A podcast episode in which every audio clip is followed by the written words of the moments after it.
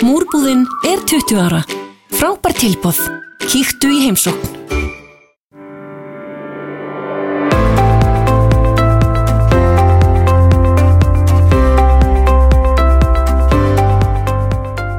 Ellefu frambóð verða á kjörsælunum í komandi borgarstjórnarkostningum. Í hlaðvarpi kjarnans fá kjósundur að heyra um stefnuflokkana með orðum oddvitarna.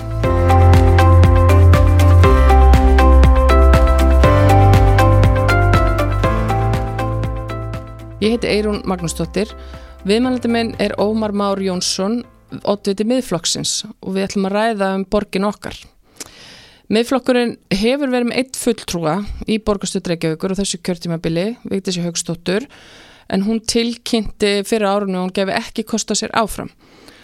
Og hún reyndar hefur talað um að hún hafi barist við vindmilur allt kjörtímabilið. Ómar, uh, sér þið fyrir þér að þú verður í sömu stöðu að berjast við vindmilur eða þú kemst inn?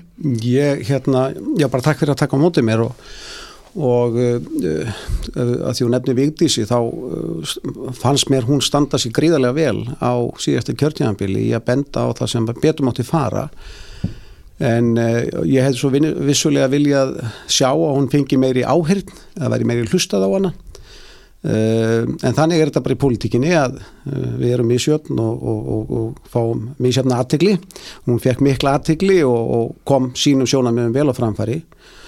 En uh, við ætlum okkar að halda áfram vissulega. Við, við, við treystum á það í þessu atvinnuviðtali sem er núna er við borgarbúa að, að, að okkur verið treystilis að fara inn í borgarstjórn og þar munum við beita okkur uh, í margvíslegum þáttum og, og fyrst og reynst kannski að þjóna íbúanum betur. Við skulum bara vinda okkur beint í ykkar stefnumál. Þegar uh, gáðuð út ykkar stefnu núna bara á dögunum og slagur ykkar er meiri borg. Uh, og þið talið um uh, ef við förum bara fyrst í húsnæðismálinn þið talið um þessi neyðar ástand uh, í hverju fælst þetta neyðar ástand og hverju eru lausnir miðflokksins? Fyrst að neyðar ástandinu það er Það er óeðlilegt að sveitafélag uh, eins og Reykjavíkuborg segi þeirri stöðu að það vantar 4000 eignir inn á markaðin, 4000 íbúir og þessi neyðar staða hefur orðið þess að fastegna verð hefur tvöfaldast á örfáum árum og sem hefur gert ungu fólki eh, nánast óklift að komast í eigið húsnæði. Leiguverð er komið upp fyrir öll eðlileg mörg og þetta óframdar ástand í rauninni er að manna veldum uh, og ég vil menna að þetta sé tengt kerfisvanda, alvarlegum kerfisvanda hjá borginni og líka skorti og fyrirhyggju.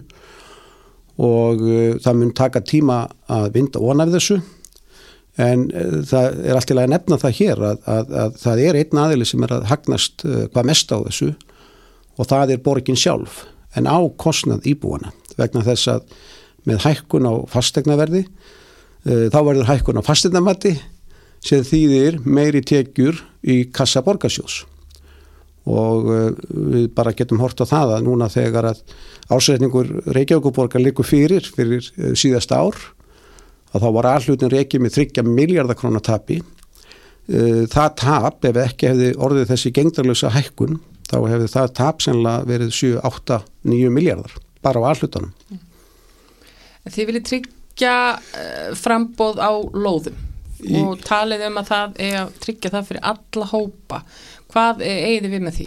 Já, lausnindar, það, það skipta mestu máli. Uh, eins og við talaðum á þann, þá er þetta spurningum fyrirhyggju, uh, betri áallanir og uh, við munum beit okkur fyrir því að byggja miklu hraðar. Það þarf að einfalda stjórnkerfi borgarinnar, það þarf að flýta skipularsmálum.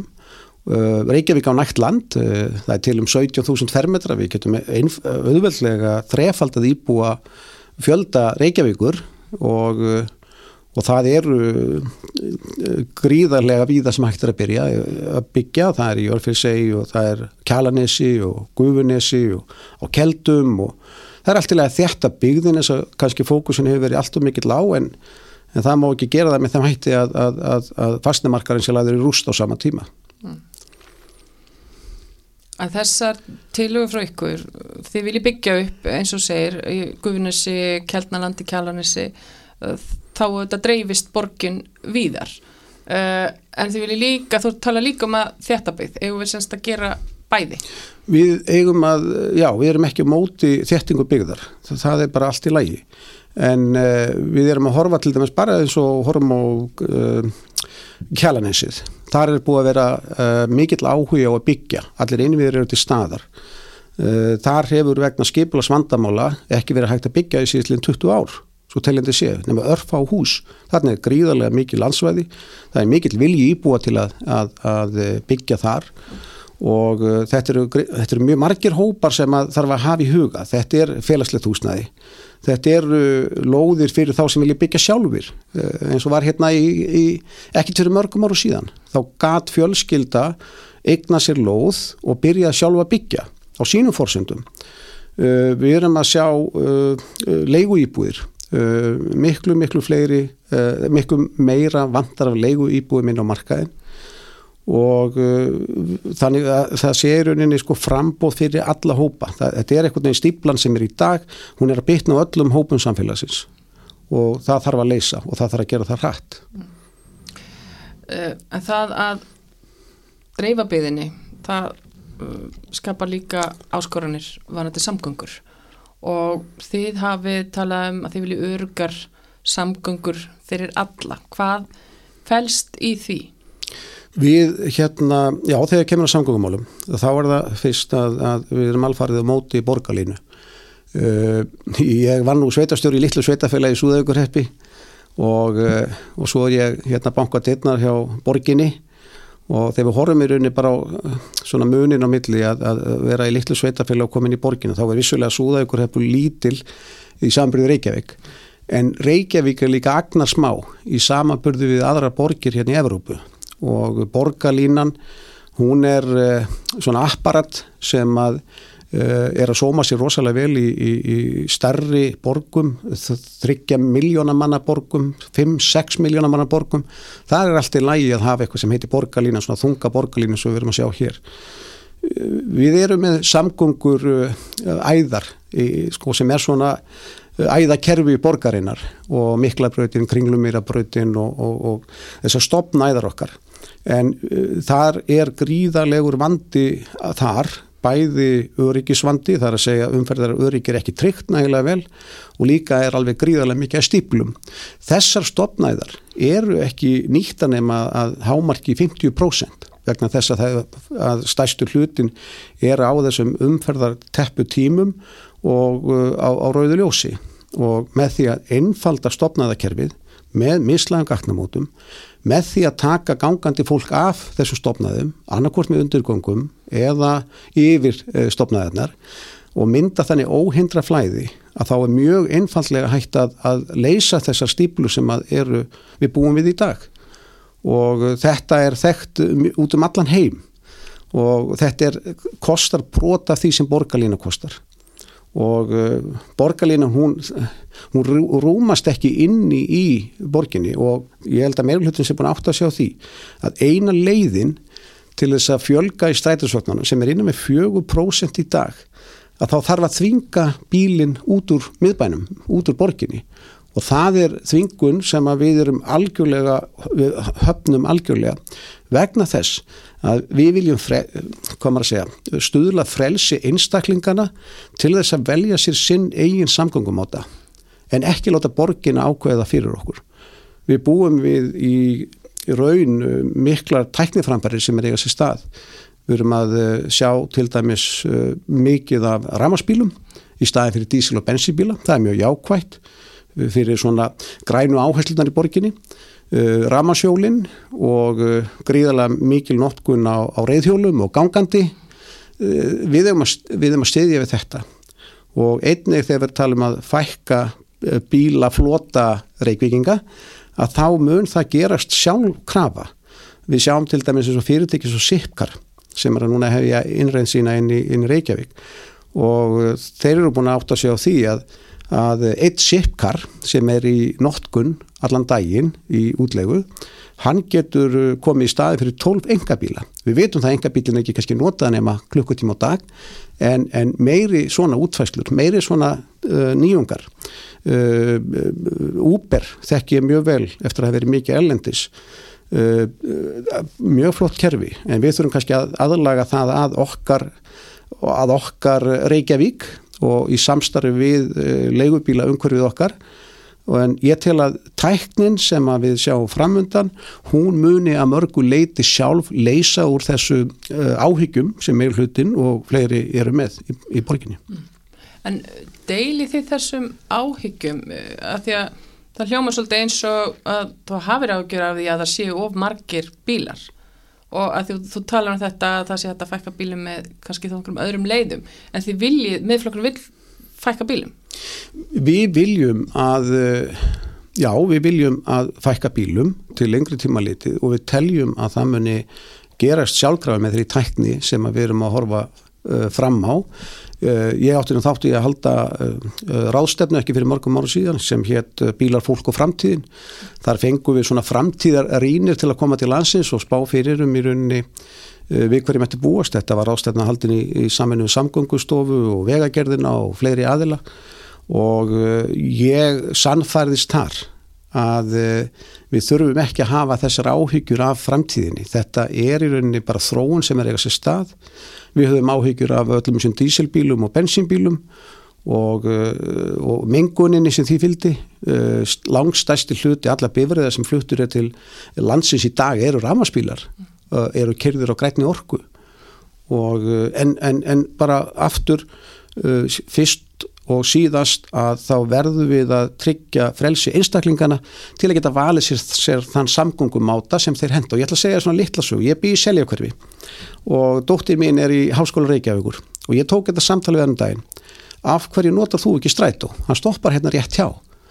Og hún svaraði til að ef ég tek strætó að þá tekur það með 45 mínútur að fara í Háskóla Reykjavíkur. Ef ég nota minn eigin bíl þá tekur það mig 15 mínútur og ef ég tekið þetta saman á mánudatíma að þá spara ég 20 klukkutíma á mánuði með því að vera á einn bíl og þá ætlaði ég að vera sniður og sagði en ef það er frítt í strætu myndur þú þá ekki fara? Hún sagði nei, tíminn minn er dýrmættar en það og ég held að þessi litla saga segja okkur í sjálfu sér hversu tíminn, tíminn okkar er dýrmætur og borgarlínan er ekki að fara að breyta því fyrir dóttir mína sem býr í seljakari og þarf að komast í háskóla Reykjavík mm. Þannig að þetta snýst uh, mikið um bara tíma. Tími. Þetta, að að ég, sko það sem ég er að hugsa er, ef við að hugsa borgina út frá því alltaf að komast uh, á svona stystum tíma mellir A og B, er það almáli? Er það ekki pínu um hvað ég segja, kannski svolítið sorglegt að vera bara um það? Já, algjörlega sammála. Og það er alls ekki ein, eini þátturinn. Eh, tíminn skiptir miklu máli, hann skiptur okkur öll máli og ég tala ekki um í, í hraðanum og, og, og hjá ungum, ungu kynnslóðinni sem að eh, mælir allt meirum inn í tíma, þá skiptir það hana. Og það er ákveðin þróun eða stað á milli kynnslóða við erum bíla þjóð Nú það má líka, eh, það verður að taka inn í þetta mingi líka mikilvægi þess að, að sko huga að umhverfis áhrifunum. Ísland hefur sett sér metna fyrir markmið í, í kólefnuslutlösu, eh, vera kólefnuslutlöst árið 2040, gríðarlega stort og mikið verkefni og svo þróun sem við erum að sjá í bíluflóta landsmanna er, er skrefið þá átt en, en tímin er vissulega mikið aðrið í þessu. Mér langar aðeins að fara, við höfum verið að ræða þessum framtíðina í samgangum, langar aðeins að fara í, í fortíðina og spyrja þig aðeins hvaðan þú kemur, af því þú ert auðvitað nýr í, inn, í, e, inn á sviðið í borgarstjórnarmálum, e, en þú hefur mikla reynslu úr sveitarstjórnarmálum. Segja okkur aðeins frá því hvaðan þú kemur. Ég hérna er vesturðíkur og uh, kom svo á söðu til að menta mig eftir að hafa verið á sjónum og, og tók síðan stýrimannaskólan en Uh, síðan fer ég í tekniskólan, útskæðast maður og síðan uh, stopna ég mitt eigi fyrirtækinni í Reykjavík. Og síðan fer ég vestur þegar það er auglýst eftir sveitastjóra árið 2002 og uh, þá hafði flutningi byggðar innar í fjörðin eftir snjáflóðin 95 verið að mestu lokið. Og ég sá þarna gríðarlega krefjandi verkefni sem ég langa að taka þátt í. Að byggja upp nýtt samfélag eftir flutning byggðarinnar og, og, og, eiga þátt í því að, að skapa þar forsendur góðar þannig að það verður þetta ebla byggðina og uh, fyrir fjölskyldur sem myndi vilja flytast ángað uh, taka þátt í að ebla atvinnulífið og einnig var ferðarþjónust að fara að banka upp á dittnar á þessum tíma þannig að uh, við svona þurftum að hugað innviðum.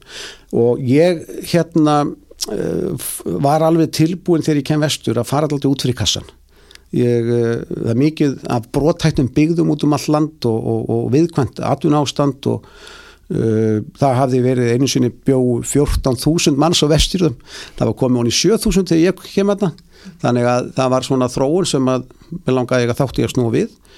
Og ég horfið mikið út fyrir landsteinana að lausnum, hvernig get ég uh, þetta samfélag frekar? Og ég horfið mikið til Norex þar sem að uh, það er mikið af viðkomum byggðum norðarlega í Noregi. Ég horfið líka til Európusambansis og þeirra lausna sem þeir hafi verið að beita uh, hjá sínum aðeldaríkjum og mér fannst þetta bara alveg bráðsnið og lausnir og, og, og daldið fór í að fór óhefnarleðir og ég var alltaf að reyna að halda minnan þess ramma sem að má lagalega og var í miklu sambandi við sambandsleika sveitafélaga en það sem við gerðum meðal annars, við gerðum leikskólan Gjaldfrálsson, fyrsta sveitafélag til þess, 8 klukkutíma á dag. Uh, við þurftum á atvinnuhúsnaði að halda, þannig að ég let byggja þarna uh, nægt atvinnuhúsnaði, bæði mig og fyrir yðnað, ímiskonar og uh, það var til þess að tiltrúin fór að aukast á, á samfélagið og þarna fóru aðri verktakar og stáðu byggðu þriðjahúsnæðið ég let byggja að, hérna, íbúðarhús af því að allt í einu þegar eftir að átæki svona fór að stað og þá fylgti spigðin af, af ungu fólki, nýju fólki og, og það fór að fjölga í leikskóla og grunnskóla. Nú einni tók ég þátt í að búa til þarna fyrirtæki Melrækka setur Íslands eh, endur byggði eitt elsta húsið í Súðavík Við settum eh, á stað og ég átti stóran þátt í að setja upp eh, sjóstangveiði fyrirtæki Iceland Sea Angling sem er að taka á móti 1200 erlendum gestum á hverju ári og þeir leia uh, hús og bíl og bát og eru veiðandi allan daginn. Þannig ég tók þátt í að byggja upp og er rosalega stoltur af því með þeim sveitastjórnum sem störfum með mér að hafa gjör breytt ásýnd byggðarinnar og og uh, gert hana öflugri og, og auki tiltrú bæði íbúana og líka þeirra sem voru í kringum okkur á því að þarna væri blómleg, blómstrandi byggð sem mætti mikil tækifæri til framtíðar mm.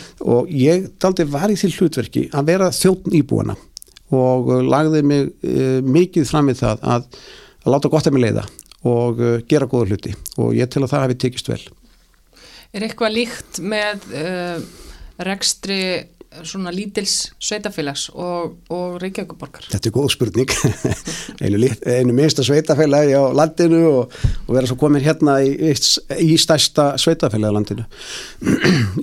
Ég horfið á sko, ég vissulega starfa öll sveitafélag undir sömu lögjöfinni með sömu reglur og uh, innviðaráðanæti er með í rauninni mjög skýran uh, laga og reglugjörða ramma um það hvaða verkefni sveitafélagum ber skilda að veita. Og, uh, og það er þannig að eins og ég var að segja þannig að svo það ekki lítið í samabörðu við Reykjavík en svo er Reykjavík bara agnar smá í samabörðu við aðra borgir hér í Evrópu. Og það sem hefur komið mér óvart að það er þegar að verður er að bera saman sveitafélögin og uh, ég sérstaklega tekja eftir því þegar það verður að tala um fjárhag borgarinnar eða þjónustu eða í byggðlista einum uh, ímsu sviðum, máluflokkum að það er alveg ótrúlegt að uh, ég vil kalla það svona leigupenna sem fara fram á völlin og er alltaf að reyna að fegra borgina í samaburði við ykkur önnu sveitafjölu á landinu sem er ekki standa sig eða sem er að standa sig ver mm. og ég spyr hvað er metnaðurinn hjá höfu borg Íslendinga þegar að það er ekki sko verið að reyna að skora herra en það við eigum borgin á að vera að bera sér sama við það bestu borgir í Evrópu og hvort sem það er í þjónustu veitingu fyrir íbúana gagvart grænu áherslunum uh, gagvart í rauninni bara lífanilegu samfélagi fyrir alla hópa samfélagsins og þarna hefur mér fundist gríðalegu skortur á. Við eigum ekki verið að bera okkur við sá, sama við þá sem er að standa sér vest, við eigum að, stand, við eigum að bera okkur sama við þá sem er að standa sér best á öllum sviðum lífsins. Hverjar eru þessar grænu áherslur uh, hjá miðfloknum? Uh, þær eru mjög metnaðafullar og uh, sko, ég hef aldrei mikið verið að fylgjast með borginni og uh, hvar og reyna að staðsetja þá hversu vel er borgin að standa sig? Hversu vel eru fyrirtæki landsins að standa sig í grænu áherslunum? Þessir áherslur eru tiltalan í komnar og við erum pílindi enþá átt og gráði hvað þýðir það að vera græn borg og sjálfbær.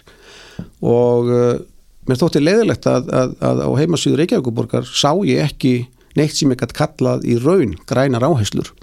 Það var helst að finna í að, að, uh, að flokka sorpi sitt, uh, vera með ledlýsingar í stað venjulegra uh, pera og að minga notkun ljósitunum vela. Þetta er ekki nema brota brota af grænum áherslum.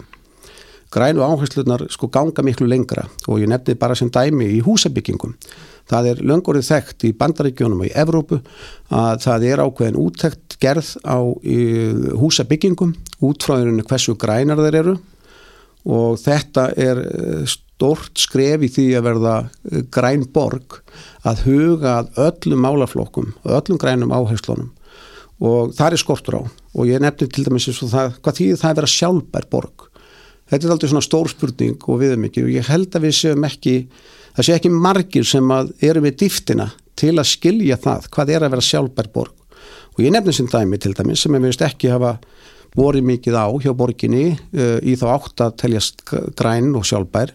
Það er varðandi til dæmis bara, við erum ennþá örða sorp. Sjálfbær borg, hún er í rauninni að, að sko ringra svo hagkerfi sem að sko byrjar og endar eitthvað starf en allt innan borgarinnar uh, þar sem því verður við komið og til dæmis eins og með sorpið að þá uh, vil ég vilja ekki áherslu á það að, að, að hér verður reist hátækni sorp brennslustöð sem að uh, tekur á móti því sorpi sem við getum ekki endur nýtt og þannig er, það er hluta því að verða sjálfbær. Í dag erum við að urða þetta og það er enga veginn ásættilegt að vera að flytja þá landi eða urða, það er bara ekki að þekkjast mm. hjá borg sem vilt vera græn. En ef við tölum um stór, rísastór skref í átt að grænum áherslum og sjálfbærni, þá hlýtur borgarlínan að vera eitt af þeim skrefum eða uppbygging á almenningssamgangum. Já, ég hef hýrt þetta áður að tengja saman en bara morgun borgarlínu þá er maður ekki græn, þá er maður ekki að hugsa í grænum lausnum. Uh, ég er algjörlega því ósamála. Uh, borgarlínan er bara, uh, hún er verkefni sem á ekkert erindi inn í Reykjavík og uh, það eru allar forsendur til að ná þessum grænu áherslum á jafn góðan eða heldur betri hátt með öðrum lausnum. Uh, uh, bílafloti Íslandinga uh, eða borgarbúa er í rauninni það sem hann er að menga, er brota brota því, því, því sótspórum sem við verum að láta frá okkur. Það er ekki stóra málið. Þegar ég tala um græna lausnir, að vera græn borg, það þýr líka það að, að til dæmis eins og heitavatnið okkar það er gríðalög munur á því. Þegar ég kem, var fyrir vestan þá bjó ég á það sem er kallt að köldusvæði og eh, hittakostnar er miklu dýrari. Eh, þar eru allir íbúinir mjög meðvitaður um mikilvægi þess að, að nýta heitavatnin vel sem er búið til í ramastúpum hér í Reykjavík þar sem við erum á, á, á heitusvæði þar, uh, þar því miður vantar þessa hugsun. Það er, að, það er að nýta orkuna sem notuð er til húsittunar og, og til annara þáttar miklu betur heldur um að gera í dag. Ég vil líka uh, segja það að, að að eh, eins og við tala um áðan með, með ramaspíla sem er í rauninni bara að, að koma og það er búið að gefa það út að hér er að banna innflutning á dísil og bensínbílum árið 2040 frekar en 2030 2040 nú þá erum við að verða með græna bílaflotta er það ekki? Ef að, ef að allir bílar eru farin að keira á grætti orku. En það er svo, sem, svo annan málað að í dag höfum við ekki þessa græna orku. Við, það hefur verið fyr, sko, skortur og fyrirhyggju að, að virka meira græna orkuna. Þannig við getum orðið sjálfbær. Við erum núna enþá að keira á dísilolíu og uh, það er náttúrulega ósættanlegt og, og þarna er enn og aftur ákveði skortur og fyrirhyggju. En vorandi eru uh, er, er stjórnmála komur að segja, er alþingi að, að fari þá vekkferð og rætt og öruglega með landsvirkjum og fleiri hagsmunæðilum að bæða að tryggja framleyslu á raforku og síðan dreifingu út um allt land. Það er það sem við eh, þurfum að gera til að ná þeim markmiðun sem að, sem að ríki og sveitafjöla hafa sett sér. En ramaspílar eða sem bílar sem keira á græfni orku uh, þeir taka enga síðu plás og þeir tæta upp uh, malbyggið og, og þannig að það er ekki svo sótspori sé núl þó að þó að orkan sé aðeins græn. Um, hvaða svona beina aðgerra verið þið þá grípa til til þess að að bara minga áhrif mengandi áhrif bíla umferðar Það er með því að komi lausnir sem geta í rauninni verið þannig að þú beitir ekki þvingunum heldur þú færi lausnindan til íbúana. Virkar það? Já, það virkar. Ég hef verið að ferðast, já ég skal segja það meira að segja hvernig það virkar. Ég, þegar ég er að ferðast eh, í Evrópu og þar sem er rauninni sko svona leigubílakerfi sem virkar að þá nota ég miklu frekar Uber eða einhverja deilibíla vegna þess að mikið er þægilegt og ég get hoppað inn í bíl á hvaða gatnamótu sem er og út úr bílnum á hvaða gatnamótu sem er. Það er eitt, eins og ég var að tala um með SIP-kar og, og sambærlega deilibíla hækkerfi ég segi fyrir mig, ég býði seljakverfi ef að ég væri þeirri stöðu að geta panta bíl og vera nokkuð vissum að vera komin tímin inn að fimm minúnda og hann getur skuttlega minn inn í bæ og á þeim eðlilega tíma að stóttbröðunar okkar virkuðu og það var ekki tafatími og umferður eru ekki lægi uh, og ég geti jætt fljótt farið úr bænum og heim aftur með þessum einfalda hætti eins og bara með SIPKAR eða með Uber eða með einhverju sambærlegu kerfi. Þá myndi ég alvarlega hugsa það vegna þess að það er dýrt að eiga engabíl sem er ekki notað nema eitt klukkutíma á dag. Og ég held að flestir ef að okkur tekst sem samfélag að koma og skapa lustinnar og gefa svigurum til þess að kerfið geti aðlagast uh, bara þeirri eftirspurn sem þetta er staðar þá munir það leysast að sjálfu sér. Við eigum ekki að við eigum ekki verið að beita þvingunum til þess að, að skikka fólk í einhvern samgóngumáta sem það vill ekki. Við eigum frekar að hugsa þetta í lausnum þannig að fólki sjáu sér hagið í að nota laustinnar og það er í rauninni komið á stað en betur má við duga skal. Förum að sé yfir í fjármálin vegna þess að það er svolítið stórst uh, mál á ykkar stefnusgráð það er að þið viljið uh, taka til í fjármálum uh, borgarinnar. Og þið talið sérstaklega um skuldir og, og, og það þurfið að ná stjórn á rekstrinum. Og uh, hvernig ætlið að framkvæma þetta? Sko, sko málega er það að því vorum að tala um að vera sjálfbær og grænar áherslur og þetta, það, hluti af því að vera sjálfbær og græn borg er að vera fjáraslega sjálfbær. Og því miður þá er Reykjavíkuborg ekki lengur sjálfbær og uh, hún er búin að auka skuldirna sínar tvö, hún, er búin að, að, að 500 falda skuldir sínar á síðislega 20 árum. Hún er síðislega um, 8 ár held ég að veri sem hún er búin að vera með, eða 6 ár sem hún er búin að tapa pening. Og hún er að fleita sér áfram með auknum skuld eða sko með auknum lántökum. Og hún er sko ég bara ég, ég verða að segja það, ég pildi miður mín yfir því að við séum með þessari stöðu að, að borgin okkur, höfuborg Íslandika hún er nánast uh, komin í þrótt og af hverju þetta eru sterk orð, ég veit það. En þegar að eftirlistofnun eftir sem hefur unni lögbundi hlutverk frá, hérna Európa-sambandinu að fylgjast með öllum fyrirtækjum, öllum sveitafölugum í Európu að uh, þegar, þegar að sústofnun er fann að gera alvarlega ratúasemtir um það hvernig ársreitningar eru lagðið fram, þegar hvernig eru blásnir upp með félagsbústuðum og, og, og fleiri þáttum sem ekkit erindi inn í ársreitning og til að sína raunverulega stöðu. Uh, við erum að tala um til dæmis þjóðarhöll og langar til að byggja þjóðarhöll í Reykjavík og það er talað um að getur kosti alltaf 15 miljardar. Á örfáum árum, ég held að séu 8 frekar en 9 ár, að þá er all hluti borgarsjóðs búin að greiða 30 miljardar bara í vexti og verðbætur á 8 árum Þetta eru tvei, tvær þjóðarhallir. Er það svona sem við viljum að, að, að, að fjármunum borgarbúa sé varið? Þetta er í rauninni gengdarlust og þetta verður að stöðva og, og hvernig gerum við það? ég horfi á það, sko, það er búið að bæta við 2000 starfsmönnum bara á síðasta kjörtíðanbili í borga, borgina. Og uh, þessir 2000 uh, starfsmanna aukning 500 á ári hefur kosta borga svo 15 auka miljardar 15 miljardar og þá spyr maður sér uh, hefur þó ekki þjónustan aukist? En nei, hún hefur ekki aukist. Þannig að ég, þessna hef ég sagt að þetta sé ákveðin kervisvandi og þetta vil ég að verði eitt okkar fyrsta verkefni.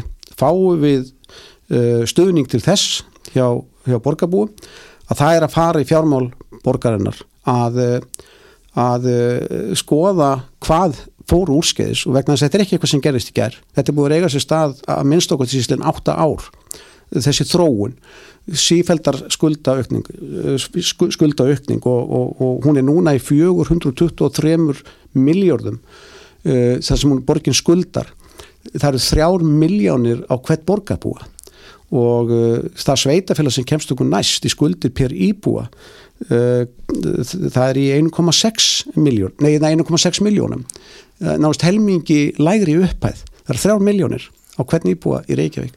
Og þetta er ekki hægt að una og það verður að taka á þessu. Mm.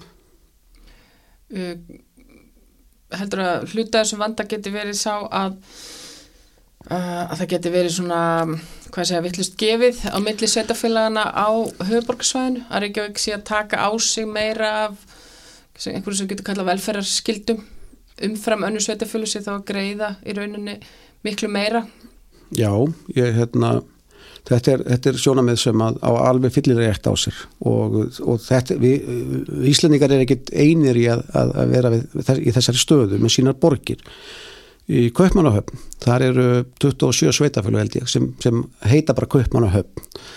Og uh, þar í sjálfisir var það nákvæmlega sama, það var eitt sveitafjölu sem bar upp í þungan af allir félagslegið þjónustu, uppbyggingu félagslegist húsnæðis og, og uh, var bara daldið ósangjart á með sveit, allar sveitafjölana það sem ríki gerði þar, það bjóð til ákveðin jöfnunasjóð og það var úttekt á hverju sveitafélag hjá fyrir sig. Hversu vel var hver sveitafélag að standa sig í, í, í þessum málaflokki, þar að segja félagsljóð þáttunum.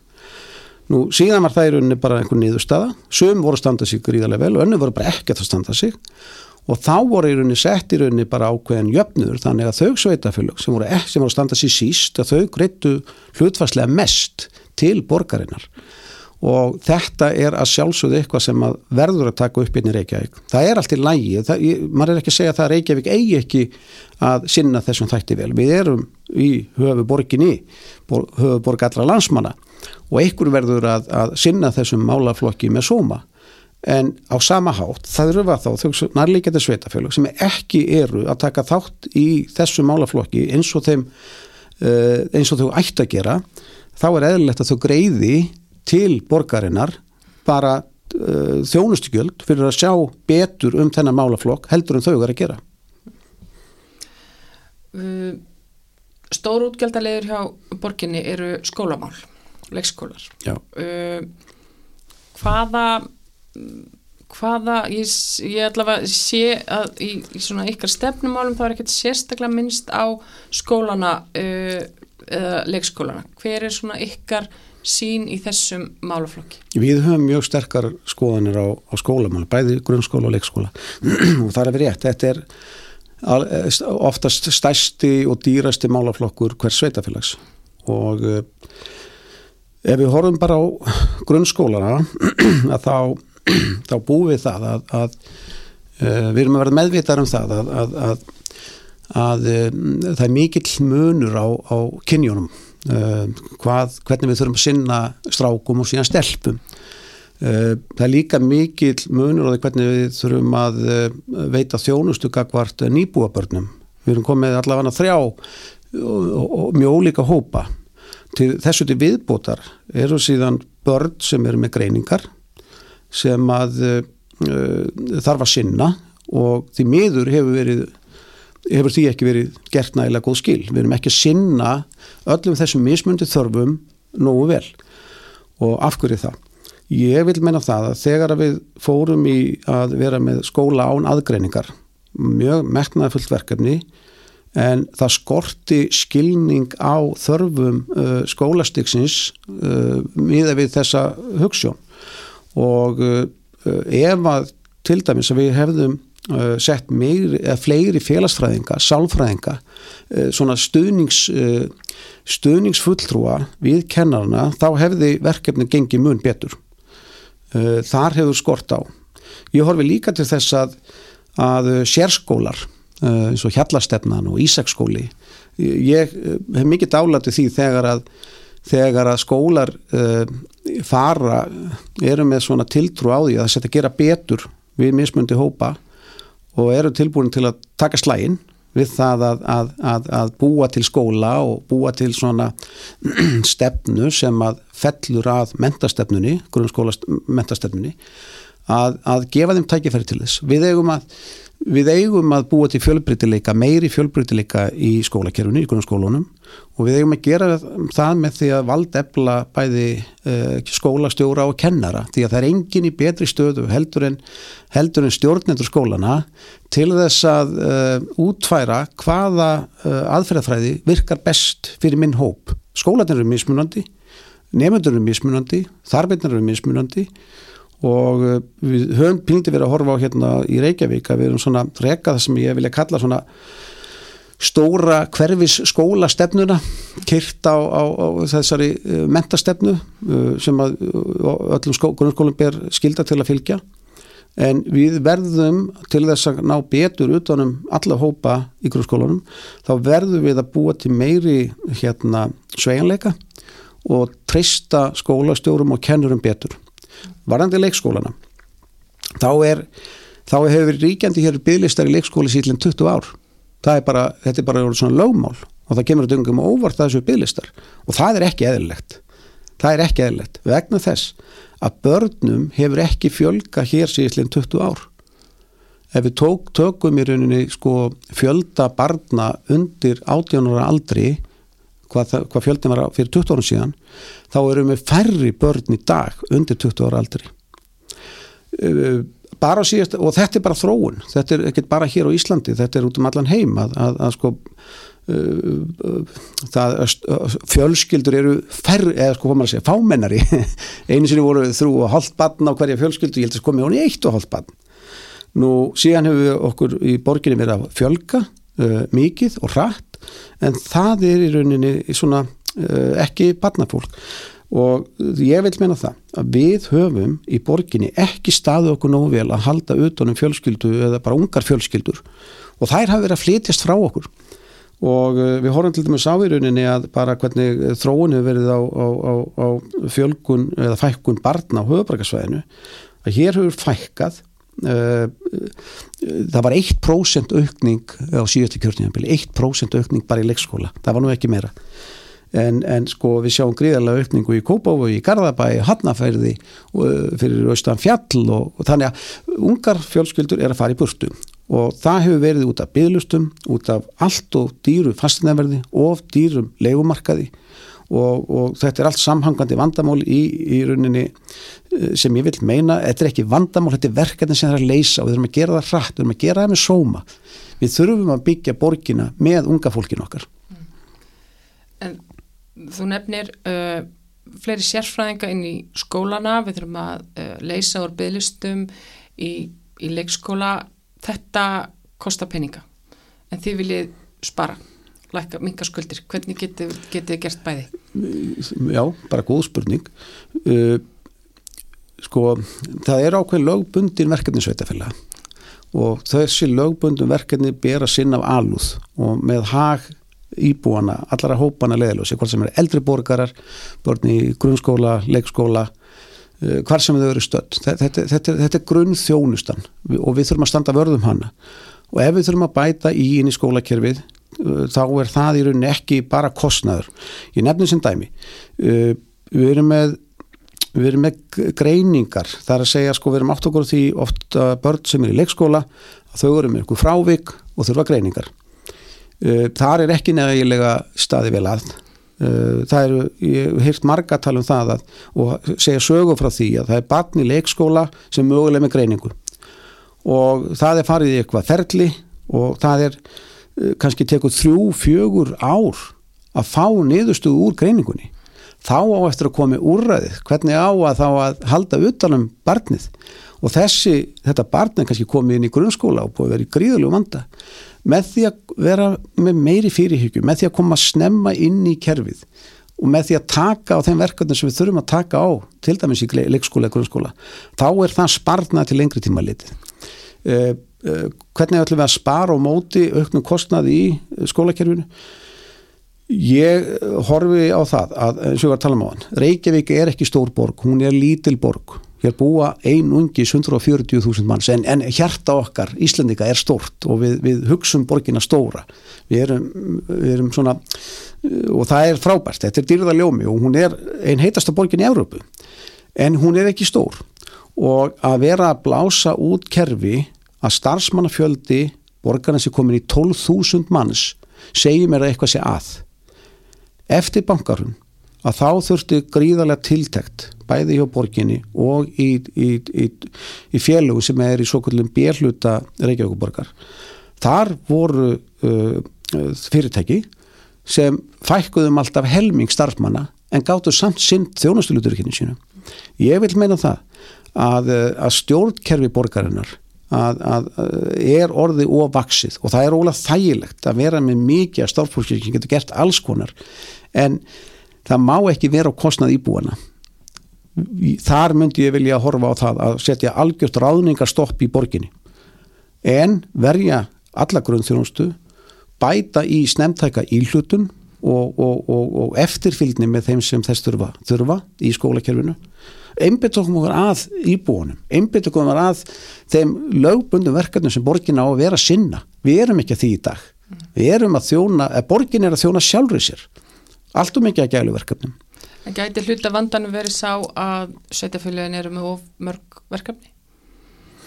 Ég sko þegar ég var fyrir vestan þá var alltaf pressa á að, að, að saminningu þessara sveitafélaga uh, Lít, lítil sveitafélag væru bara ekki stakk búin til að sinna öllum eins og lögbundu verkefnum af sóma og við vissulega hérna skoðum það hverju málaflokki fyrir sig og, og, og, við saminuðum almannavarnanemnd og barnavarnanemnd við fórum í, í hérna félagsmála, við saminum alla félagsmála pakkan á vesturum, bara í einn pakka.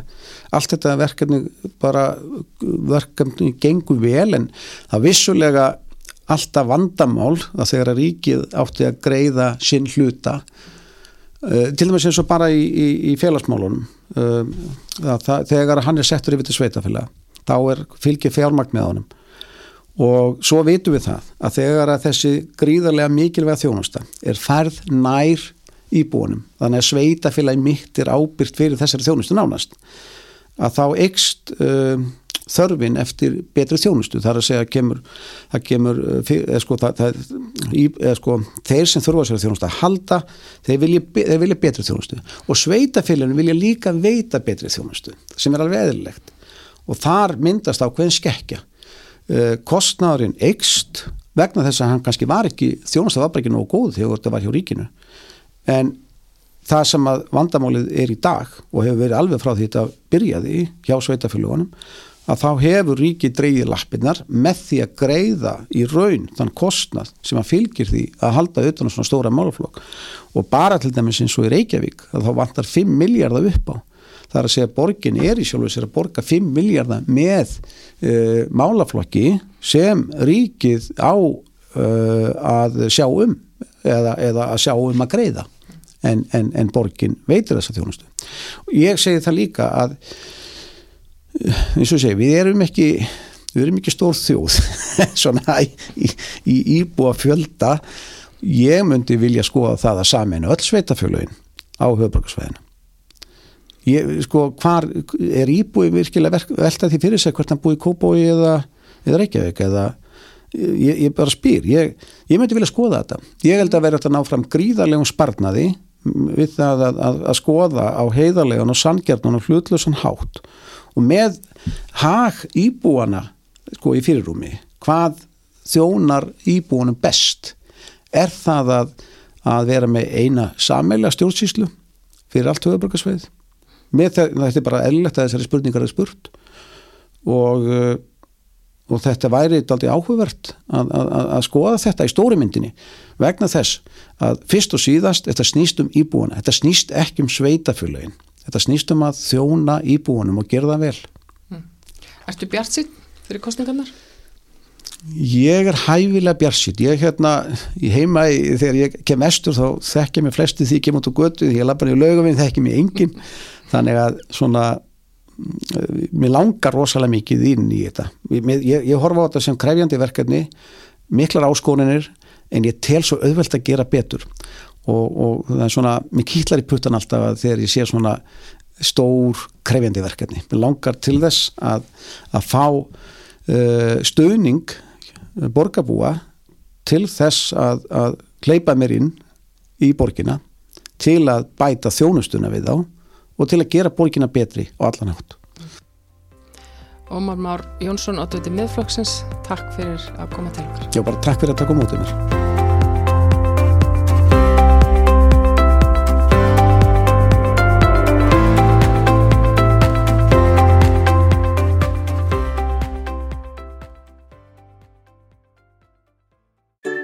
Allt fyrir vorverkin.